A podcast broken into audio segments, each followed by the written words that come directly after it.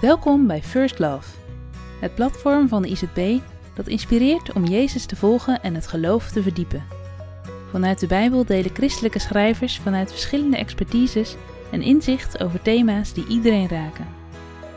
Deze bijdrage gaat over eerste liefde en is geschreven door Sjaak van den Berg.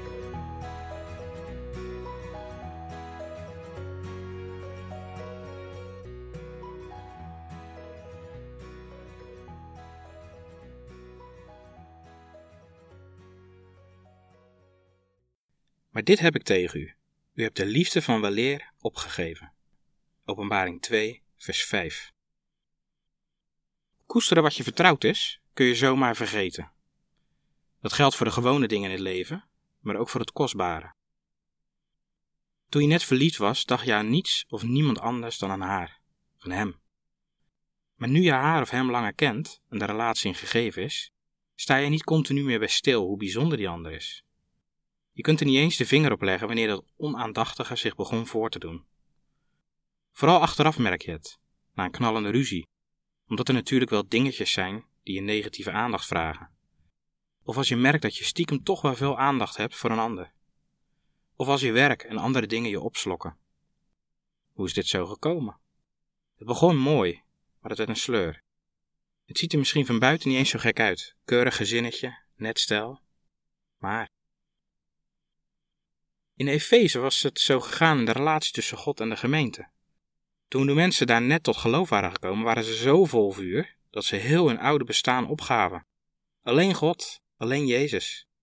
Allerlei dure boeken met toverspreuken waar ze eerst helemaal op vertrouwden, hadden ze in het vuur gegooid. Het lezen in Handelingen 19, vers 19. Zoveel passie was hun geloof. De gemeente in Efeze is nu wat langer onderweg. Hoe het inhoudelijk zit met God en geloof weten ze prima. Zonder mankeren kunnen ze aangeven wat wel en wat niet orthodox is. En toch hapert er iets. Het is moeilijk aan te geven wat het precies is. Alleen als je achterom kijkt en je herinnert je hoe het was, zie je een verschil. Het is koeler geworden. Koel tussen God en de gemeente. Koeler ook binnen de gemeente. Verdeeldheid is het misschien wel, waardoor ook de weg open ligt naar afleiding. Voor je het weet, beland je er in de invloedssfeer van andere goden. Hoe is dat eigenlijk met jou? Misschien heb je een fase gehad dat alles in het licht stond van God en geloof. Die intense tijd veranderde in een kalmere gang. Eerst nog heel goed, misschien wel dieper en doorleefder. Maar op een dag bleek dat God gewoon was geworden voor je.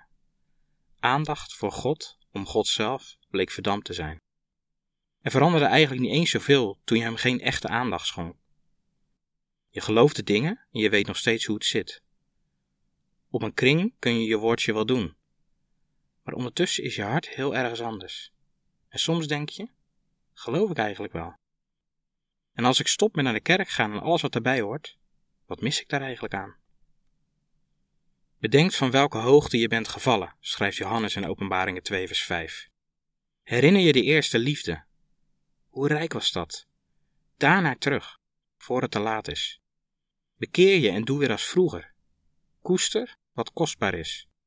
Of, zoals een populair Zweeds waarhuis zegt, aandacht maakt alles mooier.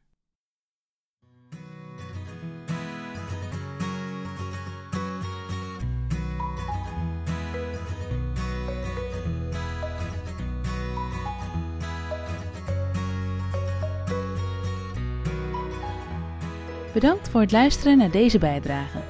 Voel je vrij om deze te delen met anderen. Ben je benieuwd naar andere artikelen van First Love? Kijk dan op www.firstlove.nl of download de ICP Connect app voor nog meer inhoud.